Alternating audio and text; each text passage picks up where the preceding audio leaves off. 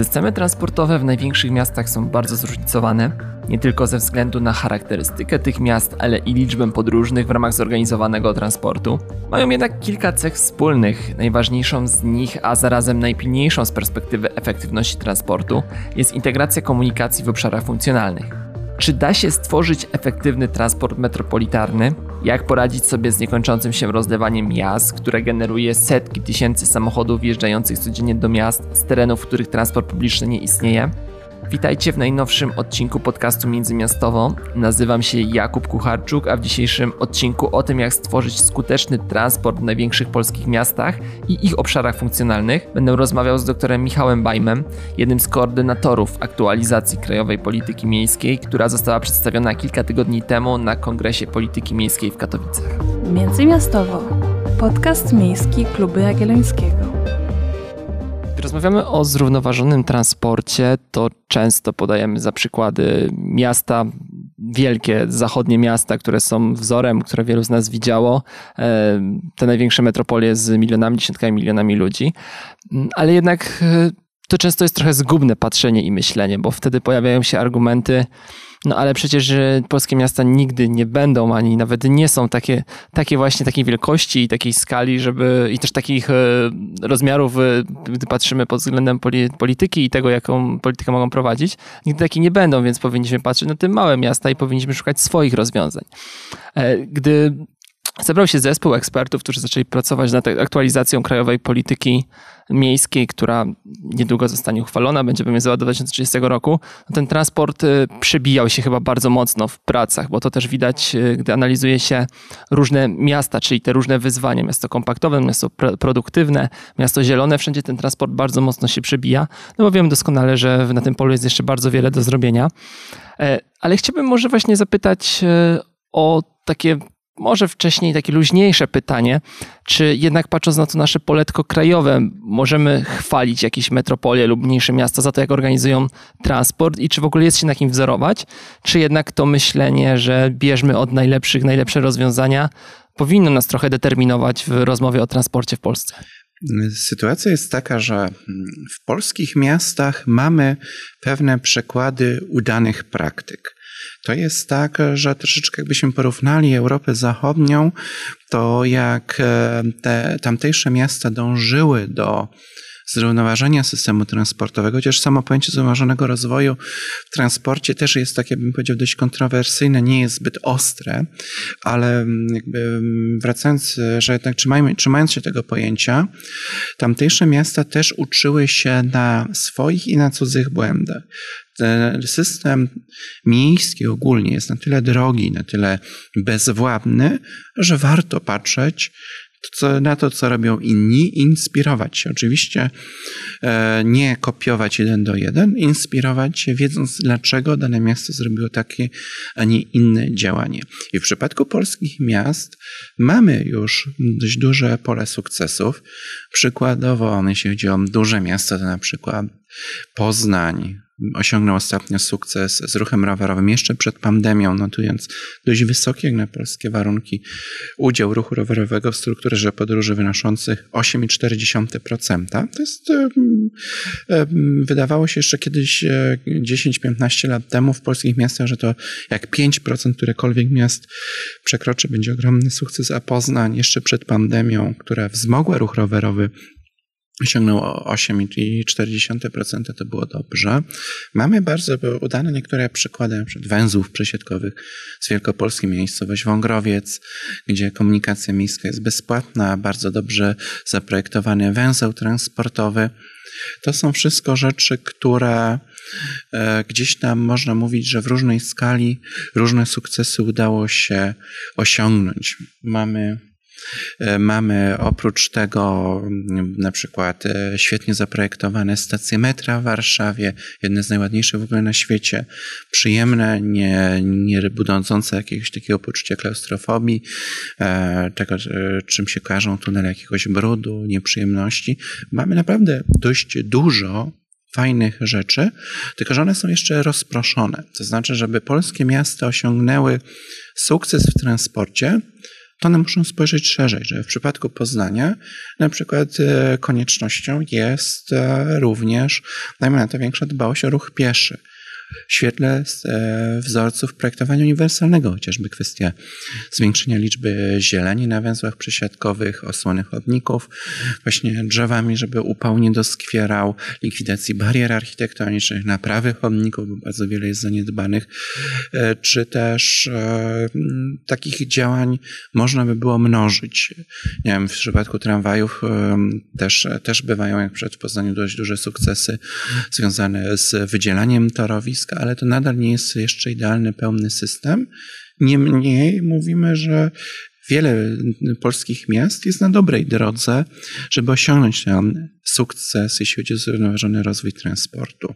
Z drugiej strony, e, oczywiście barierą, którą zmagają się polskie miasta, to jest przede wszystkim bariera finansowa. To znaczy, budżety miejskie, one są w dużej mierze zdeterminowane przez stałą strukturę wydatków takie jak pensje nauczycielskie, utrzymanie szkół, to oczywiście wchodzi do budżetu i wychodzi zaraz praktycznie e, dalej. I to oczywiście ładnie zwiększa budżet do kilku miliardów w największych polskich miastach, ale w rzeczywistości to nie jest budżet dysponowalny.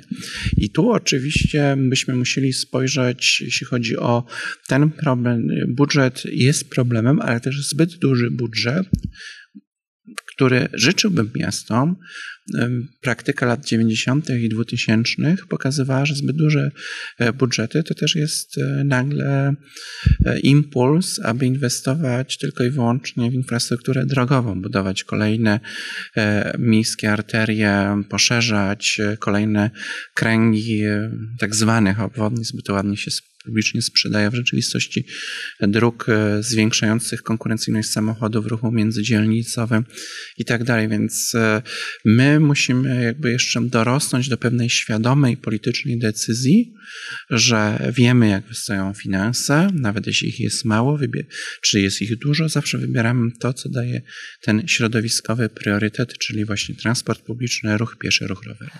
Chciałbym się dzisiaj przede wszystkim skupić na jednym obszarze, który czasem jest traktowany przez miasta, przez samorządy trochę jak szara strefa. E, czasem jest e, fragmentarycznie tworzony, nie ma wątpliwości, to też widać z, z tych wyzwań i rozwiązań, które zostały zaproponowane przez ekspertów, e, że jest to obszar bardzo problemowy, czyli organizacja transportu na obszarach metropolitarnych, czy też na miejskich obszarach funkcjonalnych. Mm, I tutaj no nie ma za wiele dobrych przykładów w Polsce, żeby takie systemy. Jest Warszawa. Warszawa jest specyficznym przykładem stolicy, trochę większymi kompetencjami, ale nawet w Warszawie jest jeszcze wiele do poprawy. Wiele miast, nawet tych największych, jak Kraków, czy w mniejszym stopniu jednak Wrocław, e, w ostatnich czasach szczególnie, gdy, gdy tam się pojawiły problemy związane z koleją, e, no nawet nie próbuje się zabierać tak naprawdę za, za tę problematykę. E, ten transport jest czasem realizowany fragmentarycznie przez województwa za pomocą kolei, czy za pomocą dowozowych połączeń autobusowych, które różnie funkcjonują. Mm, no ale jednak tutaj powstaje pytanie, czy to jest niemoc samorządów, pewna niechęć do wychodzenia jakby poza te swoje korowe działalności, czy może jednak pewna próżnia prawna, która nie pozwala tego skutecznie zorganizować w Polsce? Znaczy samorządy by nawet wychodziły, bo przykład Warszawy pokazuje, że starają się wychodzić, tylko że Warszawa jest jednym z najbogatszych polskich miast, jeśli spojrzymy o dochód na mieszkańca, bo oczywiście są jakieś mniejsze miejscowości, gdzie jest zlokalizowany duży zakład czy kopalnia, gdzie w przeliczeniu na mieszkańca budżet jest większy, ale Warszawa tą lukę prawną zasypuje ogromnymi pieniędzmi własnymi jako miasto. Na czym ta luka prawna polega? Ona polega jakby na pewnym bałaganie w zakresie kompetencji dotyczących ulg ustawowych. Mianowicie są pewne grupy społeczne czy też zawodowe, które mają różnego rodzaju przywileje w postaci ulgowych biletów i to jest gwarantowanych mocą ustawy. I w sytuacji jest taka, że na przykład studenci mają 50% ulgę w komunikacji miejskiej i samorządy ją muszą respektować. I respektują. Jednakże w przypadku komunikacji miejskiej ulga jest refundowana na zasadach tak zwanej subwencji ogólnej, że rząd przekazuje jakieś określoną, określone fundusze samorządom miejskim, mówiąc, że w tym są te ulgi ustawowe, które my od was wymagamy na transport miejski. To nie jest rozliczane co do jednego biletu. Po prostu jest, jest to w uldze, kropka. Natomiast w sytuacji, gdy mamy komunikację regionalną, autobusową czy regionalną kolejową, to każdy bilet, który sprzedaje przewoźnik, jest biletem za 100%.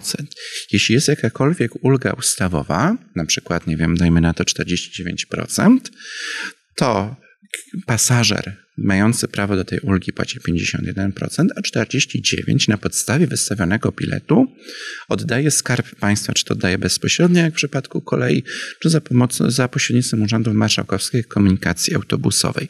Czyli każdy bilet jest sprzedany 100%. I teraz, jeśli byśmy chcieli stworzyć e, sieciówkę, mówiąc krótko, która obowiązuje również i w komunikacji kolejowej, to ta, ktoś musi jakby, kolej mówi, ktoś musi nam zapłacić 100%. Oczywiście można się dogadywać jakimiś kwotami ryczałtowymi i to, to nie jest łatwe, co przykład Wrocławia właśnie pokazuje, że Wrocław nagle chciał się wycofać, bo kolej chce jak najwięcej pieniędzy, to trudno się dziwić, ale mm, sytuacja jest taka, że ktoś musi powiedzieć, że dobrze, ja wam zapłacę więcej, nie wiem, za kilometry pokryję wam koszt przejazdu przez miasto y, i nie mieć promesy na zwrot tej ulgi. I to jest właśnie zasadniczy problem. I bo najbogatsze miasta, to, jak Warszawa, to stać, żeby kolejom mazowieckim płacić za określoną stawkę za przejechany kilometr każdego pociągu, już nie bawiąc się, ile by wpłynęło z biletów, ile by wpłynęło z refundacji za ulgi. Natomiast e, ta sytuacja na dłuższą metę nie da się nie da funkcjonować.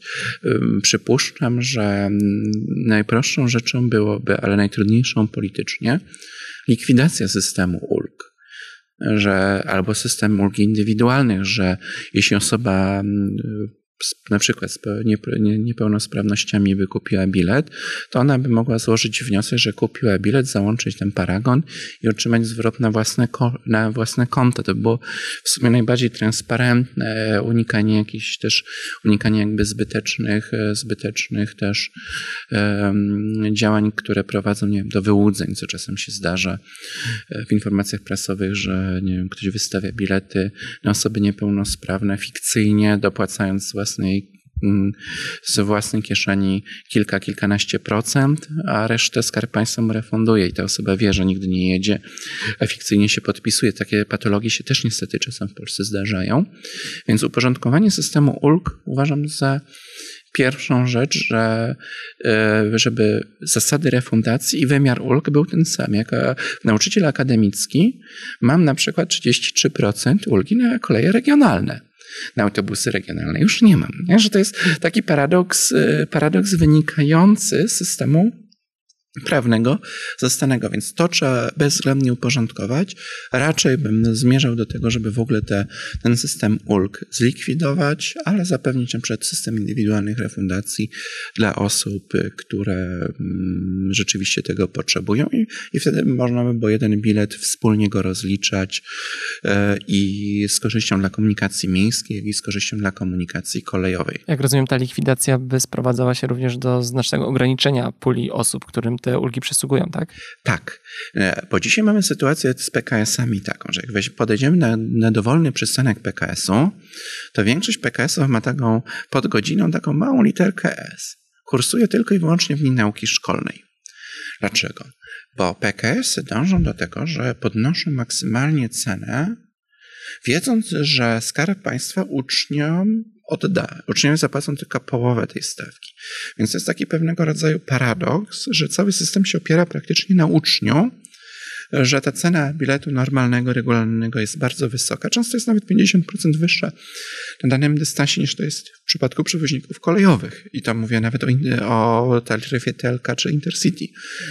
Więc to to prowadzi do tego, że rosnące ceny jakby funkcjonują właśnie, że ta druga część zostanie dopłacona przez Skarb Państwa i uczniowie pojadą, a to odstrasza zwykłych użytkowników, którzy nie mają prawa do ulg, mają często prawo jazdy mają możliwość zakupu przysłowiowego Passata z e, TDI za jakieś kilka, kilkanaście tysięcy złotych i dojeżdżania, więc system ulg powoduje, że też odcinamy rzeszę klientów, dla których komunikacja autobusowa na co dzień, w codziennych dojazdach do pracy staje się e, za droga. I tu też oczywiście dochodzimy do takiego paradoksu, że bardzo często spotykamy w debatach publicznych polityków różnych opcji, od, od e, PiSu, Konfederacji z jednej strony po lewicę, na, z drugiej strony przez, e, przez różne ruchy miejskie, platformy i tak dalej, którzy chcą komunikacji miejskiej za darmo w dużych miastach, mówiąc, że nikogo nie stać. Ale proszę zwrócić uwagę, że w cenie biletu warszawiaka, w cenie sieciówki poznańskiej, łódzkiej migawki i tak dalej, te około 100, 100 kilkunastu, 100 kilkudziesięciu złotych, pasażer na prowincji przejdzie 5, maksymalnie 10 kilometrów na liniówce. E, I to mając ubogą ofertę kilku, czasem daj Bóg, kilkunastu połączeń na dobę. E, mieszkaniec dużego miasta w tej cenie 100, kilkunastu złotych za bilet normalny ma ofertę również w dzień i w nocy i często ma kolej na obszarze miasta, w tym wszystkim zintegrowaną, więc to pokazuje, że mamy dwa światy. Jeden świat, który świetnie funkcjonuje komunikacji miejskiej i świat, który się zaczyna za granicami administracyjnymi. Jeszcze powiedzmy są sąsiednie gminy, z którymi się miasto zawrze porozumienie, to jakoś to funkcjonuje, bo ta komunikacja miejska, ten autobus miejski wyjedzie trochę dalej, nie będzie regionalnym, będzie miejskim autobusem do sąsiedniej gminy, natomiast to przestaje dobrze funkcjonować w sytuacji, gdy e, mówimy e, o dłuższym zasięgu, który dotychczas był obsługiwany umownie tak zwanymi PKS-ami czy autobusami regionalnymi, bo to się wiąże automatycznie z utratą prawa do ulg i z dużymi, z dużymi problemami. Jeszcze co by było, e, co pokazuje jakby e, rozdźwięk między tym pięknym światem miejskim i mm, smutnym światem pozamiejskim, to są fundusze. Dotychczas było tak, że komunikacja miejska mogła otrzymywać całkiem niezłe fundusze, zarówno unijne z różnych programów, jak i krajowe, na przykład z Narodowego Funduszu Ochrony Środowiska, na autobusy bezemisyjne, czy w ogóle na, na zakup autobusów z no, nowoczesnymi normami emisji spalin jak Euro 6, z czego miasta skwapliwie korzystały. Na prowincji nadal królują autobusy kilkunastoletnie i to Bóg, e, Bogu dzięki, jeśli to są autobusy rzeczywiście takie powiedzmy wyeksploatowane miejskie autobusy puszczone na region, a nie są to jakieś stare, zzelowane mikrobusy, więc ten e, rozjazd e, jest bardzo duży. I rzeczywiście tu należałoby przede wszystkim podjąć działania prawne, nawet nie finansowe, bo w ramach istniejących finansów, ujednolicenia systemu ulg, e, zasad refundacji, zasad dofinansowania taboru, komunikacji, nie tylko bym powiedział w w miejskich obszarach funkcjonalnych czy tak zwanych aglomeracjach, ale również komunikacji regionalnej, żeby można było z tego finansować tabory autobusowe, bo kolejowe oczywiście jest możliwe finansowanie, czy przynajmniej było w obecnej perspektywie. I to jest pole e, bardzo istotne, bo jeśli spojrzymy jeszcze na jedną rzecz, coraz większy problem w miastach stanowią nie samochody mieszkańców miast, bo ci mieszkańcy właśnie coraz chętniej korzystają z podróży pieszo, rowerem, komunikacją miejską, ale samochody osób dojeżdżających do dużych miast, do pracy, do szkół, e, do sklepów, do służby zdrowia i tak dalej. I to jest dzisiaj wyzwanie. I bez tego nie rozwiążemy problemów komunikacyjnych miast. E, no właśnie, wybrałem się ostatnio, taka historia osobista, wybrałem się ostatnio na dłuższą przejażdżkę rowerową. E, piątek, godziny wczesnoporanne, godziny szczytu się zaczynają. Akurat y, traf chciał, że wyjeżdżałem z miasta, nie wyjeżdżałem do tego miasta, wybrałem, wydawało się drogi bardzo lokalne, prawie gruntowe. E, do miasta mówię o Krakowie, wyjechałem na północ Krakowa. Każda z tych dróg, e, jechałem akurat chwilę wzdłuż granic miasta, niezależnie czy jeszcze na niej był pył, czy były okropne kolejny, e, w jakichś nawet traktorach i innych ciągnikach rolniczych, była zastawiona sznurem aut, które kopciły, dymiły, ten pył zbijały. Mm, oczywiście można mówić, że północ Krakowa się rozbudowywuje, budują się nowe drogi, obwodnice, ale też północ Krakowa jest takim chyba jednym z koronnych w Polsce przykładów rozlewającej się suburbanizacji. I gdy się patrzy na tą północ Krakowa i te tereny z jednej strony bardzo pagórkowate, z drugiej strony pełne różnych potoków, rzek i rezerwatów przyrody tak naprawdę, e, no trudno wskazać, jak na tych terenach tak bardzo już e, rozlanych przestrzennie i zabudowanych bardzo chaotycznie można by zorganizować transport zbiorowy, który no nie tyle będzie tam funkcjonował, bo tam dojeżdża komunikacja miejska czy aglomeracyjna w większości i do tego Krakowa można dojechać do tych e, petli na obrzeżach pozostających, potem się przesiąść. No ale nie ma wątpliwości, że taka komunikacja nie będzie atrakcyjna dla tych kierowców, którzy wybierają samochody i jadą do miasta. I tutaj często jedna, jedna sprawa to jest właśnie, no tam nie ma tej kolei, ale co, gdzie, co w sytuacji, gdy ta kolej jest, ale no nic po niej nie jeździ, tak? Bo, bo jest wiele takich miast, wiele takich linii kolejowych, gdzie ta oferta kompletnie nie przystaje, choćby dla tej liczby samochodów, które na co dzień wjeżdżają do tych miast, y, do których kuciążą, tak? Y, którym y, są jakby ich celem podróży i te samochody tam potem parkują. Wieczorem prawdopodobnie wracają, bo to często celem podróży jest praca, szkoła, rzadziej pewnie jakiś wypoczynek lub centrum handlowe. E, I tutaj chciałbym zapytać o podział kompetencji, bo z jednej strony samorządy, te największe metropolie mówią, no my byśmy chcieli robić ten transport, przecież mamy te stowarzyszenia i autobusy wysyłamy, ale z drugiej strony no nie możemy na przykład finansować pociągów, które będą jeździły nie w naszych granicach.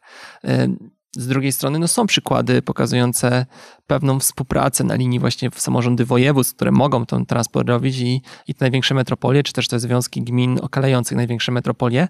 I jak to w polskiej rzeczywistości prawnej wygląda i który model tak naprawdę jest najlepszy? Kto, czy to miasta powinny się największe dokładać do tej kolei aglomeracyjnej miejskiej, czy to jednak powinno być zadanie województwa? Odpowiadając jakby na to ostatnie pytanie, czyim zadaniem, to jest oczywiście miasta z tej kolei aglomeracyjnej najwięcej korzystają, bo one zapewniają, że ten e, pracownik, uczeń, osoba odwiedzająca miasto nie wjeżdża samochodem. Czyli jakby one najwięcej z tego korzystają. To Warszawa, Poznań, Wrocław, Kraków korzystają z tego, że pasażerowie, raczej znaczy mieszkańcy sąsiednich gmin wybierają kolej aglomeracyjną. Natomiast z punktu widzenia oczywiście duże miasto może powiedzieć, że to podnosi atrakcyjność inwestycyjną gmin, przez które te pociągi przejeżdżają a marszałek w ogóle może powiedzieć, że to jest jakby jego zadanie i zupełnie jakby niezależne od wszystkiego. I model, nie ma w polskich przepisach takiego modelu, żeby istniały na przykład prawnie umocowane związki wojewódzko-powiatowo-gminne na przykład. I to powoduje, że dzisiaj można oczywiście robić, i tak się dzieje, chociażby przykład e, produktu, którym jest poznańska kolej metropolitalna, e, że samorządy siadają, czując odpowiedzialność przed e, własnymi mieszkańcami do rozmów. I w przypadku Poznańskiej Kolei Metropolitalnej gminy, powiaty, miasto Poznań dokładają się marszałkowi na dodatkowe kursy realizowane na określonych trasach oznaczonych jako PKM, to oczywiście działa, ale to jest e, zawsze zadanie, które trzeba udowodnić, że to jest własne, co oczywiście można powiedzieć, że pociąg się zatrzymuje w mojej gminie, e, przynosi korzyści, prawnie nie ma z tym problemu. Natomiast jest oczywiście e, kwestia wyzwania politycznego, czy wszystkie gminy będą chciały, czy wszystkie gminy partnersko siądą do stołu. Z punktu widzenia dużego miasta optymalnym jest, żeby park and ride powstał jak najdalej od miasta, czy jak najbliżej stacji kolei, żeby ten mieszkaniec jechał 2-3 kilometry, może 4 maksymalnie do parkingu i dalej jechał pociągiem, a nie sytuacja, że miasto buduje w granicach administracyjnych parkingi park and ride. Poza tym my mamy, nie mamy takich przepisów, na przykład znanych z Niemiec, że miasto może kupować efekt dla siebie lokalizując inwestycje z dala od, własnej, od granic administracyjnych własnej gminy. Przykładowo Frankfurt nad Menem kupuje efekt transportowy, budując parkingi park and ride, fundując je w gminach e, sąsiednich. Mówi, że słuchajcie, do nas, do nas nie wiedziecie, nie będziemy rozbudowywać dróg, ale my jesteśmy w stanie sfinansować jako bogate, duże miasto, nie wiem, budowę parkingów w mniejszych miejscowościach, de jure już leżących poza granicami administracyjnymi. Taki przepis, gdyby istniał w Polsce, to też można by było inwestować poza granicami administracyjnymi, gdy interes prawny tego wymaga. Szwajcarzy nawet mają, że poza granicami kraju mogą inwestować, wydłużając tramwaj na przykład z Bazylei w stronę Francji, lotniska, e, czy w stronę Niemiec, e, jeśli jest interes wykazany że to się opłaca z przyczyn środowiskowych, społecznych czy ekonomicznych, można zainwestować. Więc tego typu przepisy by się przydały, one by ułatwiły. W Polsce w ogóle by się przydało więcej przepisów, chociażby e, dotyczących tramwaju dwusystemowego, bo mm, tutaj było wspomniane, że jest wiele nie, nie, niewykorzystanych linii kolejowych. Mnie to zupełnie nie dziwi, bo koszt dzisiaj systemu kolejowego bardzo znacząco wzrósł koszt inwestycji torowych, koszt e, zakupu taboru. I to jest dużo, dużo droższe niż na przykład rozbudowa systemu tramwajowego, który technicznie jest bardzo podobny. E, więc w tym przypadku wprowadzenie do polskiego systemu np. pojęcia tramwaju dwusystemowego, możliwości przejmowania przez samorządy gminne e, nieczynnych torowisk, po to, żeby tamtymi torowiskami na prawach tramwaju mógł jechać, na prawach kolei jechać tramwaj, w zależności od kontekstu, czy to jest przezurbanizowany, niezurbanizowany, a nie koniecznie pociąg, to też by ułatwiło. Zobaczmy, jaką agonię przeżywa system tramwajowy w Łodzi, który historycznie był bardzo ciekawie zaprojektowany, że wyjeżdżał do wielu miejscowości, jak Ozorków, Konstantynów, e, Pamienice i tak dalej, e, zapewniając e, dojazdy do miasta Łodzi. I zabrakło instrumentów, które by wsparły te mniejsze gminy dla których powiedzmy inwestycja tramwajowa czasem jest ponad ich siły, bo spójrzmy, gminy podmiejskie mają budżety rzędu małych kilkudziesięciu milionów złotych, 20, 30, 40 milionów złotych, bo tak zazwyczaj wygląda. Miasta duże typu Łódź, Poznań, Kraków, Wrocław mają budżety w wysokości kilku miliardów złotych. E, powiedział Pan o jednej bardzo ważnej rzeczy, która dla wielu polityków, szczególnie radnych, jest takim wytrychem.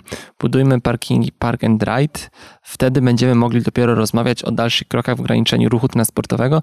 Bez tych parkingów, które koniecznie muszą powstać w naszym mieście i to nie to na, przy drogach wylotowych czy przy węzłach przesiadkowych na obrzeżach, ale, ale ogólnie w naszym mieście. Budujmy te parkingi. No i często te parkingi, mogę powiedzieć na przykładzie Krakowa, są budowane raczej wolniej niż szybciej. Radni bardzo, bardzo lubią krytykować e, tempo budowy, wskazując, że strategia transportowa miasta nie jest realizowana. No bo rzeczywiście w strategii ktoś kilka lat temu wpisał, że te parkingi muszą powstawać, że tyle i tyle, tam chyba około 30 tysięcy miejsc parkingowych do, docelowo w Krakowie powinno powstać. Pan wspomniał, że, że to chyba nie jest do końca droga, że te parkingi już zostaną wybudowane w mieście, mogą niekoniecznie spełniać swoją rolę. E, I żeby budować te parkingi jak najbliżej e, celu jakby pierwotnego podróży, gdzie ten kierowca, który może nie wsiądzie albo wsiądzie do samochodu na chwilę i podjedzie na stację kolejki, czy też tramwaju poza, pozamiejskiego, albo po prostu weźmie rower i przyjdzie na nogach na tą stację kolejową, zależy od sytuacji. E, no ale tutaj jest jednak e, kluczowe pytanie. Te strategie transportowe wielu miast zawierają te parkingi, e, które pozwalają przynajmniej w teorii, zaparkować, zostawić, ale czy taki kierowca, gdy już wjedzie do tego miasta, czy to w obrębie pierwszej, najbardziej zewnętrznej obwodnicy, czy może drugiej już obwodnicy, bliżej centrum miasta, to on czy rzeczywiście ma taki impuls, żeby ten samochód tam zostawić i przesieść się na tramwaj, czy na czy może na rower miejski, tak, bo to, to też już są takie odległości, czy ten kierowca po prostu z dużym dozą prawdopodobieństwa będzie szukał tego miejsca już pod samym celem podróży?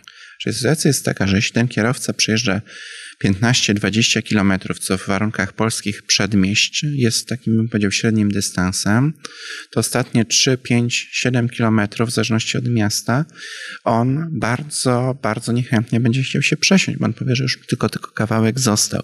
Oczywiście można jakąś bardzo restrykcyjną polityką parkingową wymusić e, przesiadkę, nie wiem, w Warszawie te parkingi się cieszą przy metrze popularnością, bo po prostu w centrum brakuje jest ogromny deficyt miejsc parkingowych i to nawet nie chodzi o to, że ludzie nie chcą zapłacić, tylko jakby fizycznie ich tych miejsc zazwyczaj nie ma.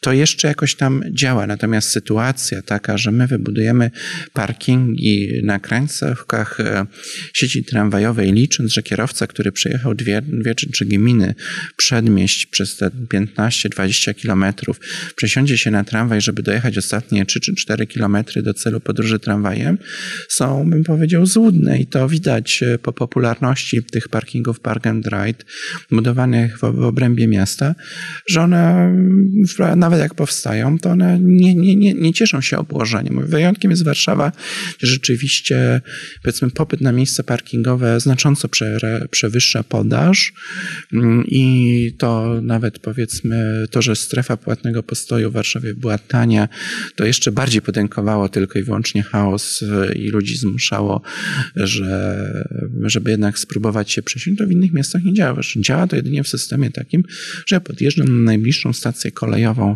którą, którą mam pod domem, 3-4 kilometry i potem siadam w kolejkę i kolejką jestem rozwożony, nie tylko dojeżdżam do dworca głównego, ale ta kolejka zapewnia mi rozwiezienie po tym mieście, możliwość wy, wy, wy, e, gdzie wysiądę na przykład na stacjach e, na obrzeżach miasta, przesiadki na tramwaj i na przykład się w innym kierunku. O tym się też nie myśli w polskich miastach, tak zwanych powiązań stacji na, e, stacji na obrzeżach miasta z liniami tramwajowymi. To jest bardzo rzadkie, że Przykładowo mm, powstaje wydłużenie tramwaju, ale brakuje, jak w Bydgoszczy chociażby na Fordon, żeby, nie wiem, ten tramwaj podpiąć pod stację, zresztą o nazwie Bydgoszcz-Fordon, tak żeby osoba, która nie wiem, jedzie do Bydgoszczy, a chce gdzieś po drodze, mogła już wysiąść wcześniej z tego tramwaju, z pociągu i wsiąść, nie wiem, dwa czy trzy przystanki na tramwaj. Tego też brakuje. I uważam, że budowa parkingów Park and Ride dużym nakładem finansowym blisko, blisko centrum mija się z celem. Oczywiście są sytuacje, gdzie nagle droga jest dużo, dużo bardziej węższa, gdzie jest bardzo restrykcyjna polityka parkingowa i to jest wymuszone za pomocą tego kija, ale sytuacje, które znamy bardzo często, że powstaje parking, e, park and ride na końcówce tramwaju, na przykład w Poznaniu na Junikowie i dalej jest ulica Grunwaldzka mająca dwie jezdnie po dwie pasy aż do samego centrum, to to nie działa. Nie? To to nie jest przykładowo tramwaj na Ruczej. Fajnie, że on obsługuje um, kampus Uniwersytetu Jagiellońskiego, Natomiast jest problematycznie, że powstała wokół niego droga, która e, tą relację konkurencyjności tramwaj versus samochód nadal utrzymuje na korzyść samochodu. Tak jak było wcześniej, było i ciężko samochodem, i ciężko tramwajem, teraz jest łatwo samochodem i łatwo tramwajem, więc to są rzeczy, które e, trzeba zawsze uwzględniać wzajemną konkurencyjność środków lokomocji i dlatego uważam, że budowa parkingów e, park and ride poza miastami przy stacjach kolejowych jest najlepsza i też jest najtańsza finansowo. Dużo mniej ten grunt kosztuje jego pozyskanie, dużo mniej kosztują inwestycje. Powoli kończąc naszą rozmowę, chciałbym sobie wyobrazić sytuację, że mamy w Polsce miasto, które ma dobry system transportowy i krajowa polityka miejska, która będzie oddziaływać, e, przedstawia wyzwania i rozwiązania do 2030 roku, e, powinna chyba takie sytuacje uwzględniać, że któreś miasto zrealizuje te, te, braki, które ma, że ten system, który w niektórych miastach jest całkiem sprawny, miejski, zostanie uzupełniony o dobry system aglomeracyjny. No i pytanie, co wtedy zrobić z samochodami? Czy ten problem nadmiernej liczby samochodów która liczba wciąż rośnie i pandemia pokazała z różnych przyczyn, z tego, że trochę mniejszą popularnością się cieszył transport y, zbiorowy, ale również choćby z tego, że busy popularne, blachosmrody, przynajmniej tak to często wygląda, e, coś by mówimy o tych busach dojeżdżających z południowej czy ze wschodniej Małopolski do Krakowa, e, zostały zaorane przez pandemię, bo, bo wiele relacji nagle wypadło, wiele ludzi przestało jeździć i, i te busy, no po prostu gdy te busy już y, pierwszy lockdown wygasł, tych busów nie było, ci ludzie musieli, byli zmuszeni do tego, żeby dojeżdżać do dużego miasta samochodem. Liczba samochodów na ulicach miast, myślę, że nie tylko Krakowa, wzrosła w, już teraz po pandemii, jest nawet większa niż przed pandemią. E, no i założymy, że taki system będzie ok i że będziemy widzieć, że, że liczby się zgadzają, że jest bardziej efektywny, nawet jest szybszy, a ta liczba samochodów nie będzie znikać, bo, bo takie będą przyzwyczajenia, to czy krajowa polityka miejska powinna uwzględniać nie tylko marchewki, ale również jakieś kije na kierowców, oczywiście e, te przysłowiowe kije? Raczej moim zdaniem, e, i to widać w propozycjach rozwiązań krajowej polityki miejskiej jest pewne instrumentarium dla samorządów, żeby one mogły wprowadzać opłaty za wjazd do centrum, uelastycznić zasady poboru w małych miejscowościach, bo w dużych to jest jakby śródmiejska strefa płatnego postoju, ale w klasycznej strefie płatnego postoju możliwości pobierania opłat na przykład w weekendy, to powinno być zwiększone. Możliwości właśnie e, ograniczenia chociażby za pomocą strefy czystego transportu i to im większa elastyczność tych metod, tym bardziej to zadziała. Natomiast pamiętajmy, że ta właśnie zasada taka z angielskiego zwana push and pull, czy po polsku trochę kolokwialnie kija i marchewki, ona jest konieczna, żeby nadmierna, nadmierna przepustowość nie została skonsumowana e, przez innych użytkowników. Taką sytuację mieliśmy niestety we Wrocławiu, gdzie powstała autostradowa obwodnica e, Wrocławia, wynosząca cały ruch tranzytowy z północy na południe na autostradę autostradę i e, ta nadmierna przepustowość, która powstała e, dzięki usunięciu tranzytu, została szybko skonsumowana przez ruch ogólny, miejski, bez jakichkolwiek, e, wpływając nawet jeszcze na pogorszenie wyników, jeśli chodzi o podział zadań przewozowych, że ci ludzie, którzy wcześniej jeździli tramwajami, powiedzieli, że będą stali w samochodzie korkach, przysiedli się do samochodu, wiedząc, że nie ma tranzytu, że przykładowo na razie się jeździ e, szybciej i wygodniej, więc uważam, że tutaj to działanie musi być, tylko że zachęcam, że to była przemyślana rzecz, że to nie ma być kij na kierowców sensu stricte, to ma być nowa realokacja przestrzeni, tworzenie wysokiej jakości przestrzeni publicznej, e, zazielenianie tych ulic poprzez stawianie drzew, wyznaczanie pasów rowerowych, dróg rowerowych w zależności od kontekstu, tworzenie szerszych chodników, podnoszenie jakości życia przy tych ulicach poprzez zmianę tej przestrzeni i realokację. Bo to nie chodzi o to, żeby wstawić znak i po prostu, nie wiem, pobierać e, pieniądze za wjazd do centrum, tylko tworzyć nową ofertę. Londyn, wprowadzając najbardziej słynną e, strefę e, płatnego wjazdu do centrum, powiedział, że te pieniądze inwestuje w rozbudowę dróg rowerowych, poprawę warunków na chodnikach inwestuje w dodatkową ofertę transportu publicznego. Wtedy to ma sens, bo to jest jakby cały czas, jeśli ograniczamy, to jednak starajmy się stwarzać alternatywę. To by było błędem zmuszać ludzi pozbawionych oferty regionalnej, nawet tych, tych mikrobusów, które gdzieś tam spotkamy najbardziej taką zabawną nazwę kibitkę, e, tych kibitek, e, zmuszać, żeby oni, jak ich nie mają tych mikrobusów, nagle do dojazdu i płacenia jeszcze za ten wjazd, bo to, to nie ma sensu. To trzeba tworzyć równo, równocześnie alternatywę i to działa tylko wtedy, gdy mamy push and pull i to w miarę sensowne, bo blokowanie, żeby blokować, żeby nie było miejsc parkingowych i wymalować, nie wiem, powierzchnię włączoną, to to, to, to się mija z celem. To, to, to trzeba od razu myśleć, jak na nowo zorganizować tą przestrzeń uwolnioną czy z ruchu samochodowego, czy też ze zmniejszonym ruchem samochodowym, tak żeby mieszkańcom sąsiednich domów się żyło lepiej. Być może czasem nawet e, zamiast dodatkowego pasu ruchu stworzyć e, pas parkingowy. To też była na przykład dyskusja słynna ulica Sokratesa w Warszawie, gdzie się zdarzały te częste wypadki śmiertelne. Też można było ją jakby zawęzić, nawet e, z korzyścią dla kierowców mieszkających przy tej ulicy, zawężając, jeden pas ruchu na rzecz, na rzecz parkowania. To trzeba umiejętnie do, dobierać zawsze rozwiązanie od kontekstu lokalnego, bo w centrum nie ma sensu tworzyć dodatkowych miejsc parkingowych dla samochodów, a na obrzeżach być może ta kameralizacja właśnie będzie sprzyjała uporządkowaniu parkowania na osiedlach. Bardzo dziękuję za rozmowę. Przypominam, że Międzymiastowo jest podcastem miejskim Klubu Jagiellońskiego i powstaje dzięki wsparciu darczyńców klubu. Jeżeli doceniacie to, co robimy, gorąco zachęcam Was do wsparcia finansowego na stronie klubjagielloński.pl. A ja oczywiście zachęcam Was również do subskrybowania, bo znajdziecie nas na wszystkich platformach podcastowych, nie tylko na Spotify, nie tylko na Apple Podcast. Mm, ten zbiór linków do wszystkich platform podcastowych na stronie Anchor FM, my w naszych mediach społecznościowych linkujemy różnie, raz do Spotify, raz do Ancora. E, polecajcie nas również swoich znajomych, no i oczywiście dziękujemy za wszystkie udostępnienia, szery i polecenia. Do usłyszenia w kolejnym odcinku. Międzymiastowo. Podcast miejski Klubu Jagiellońskiego.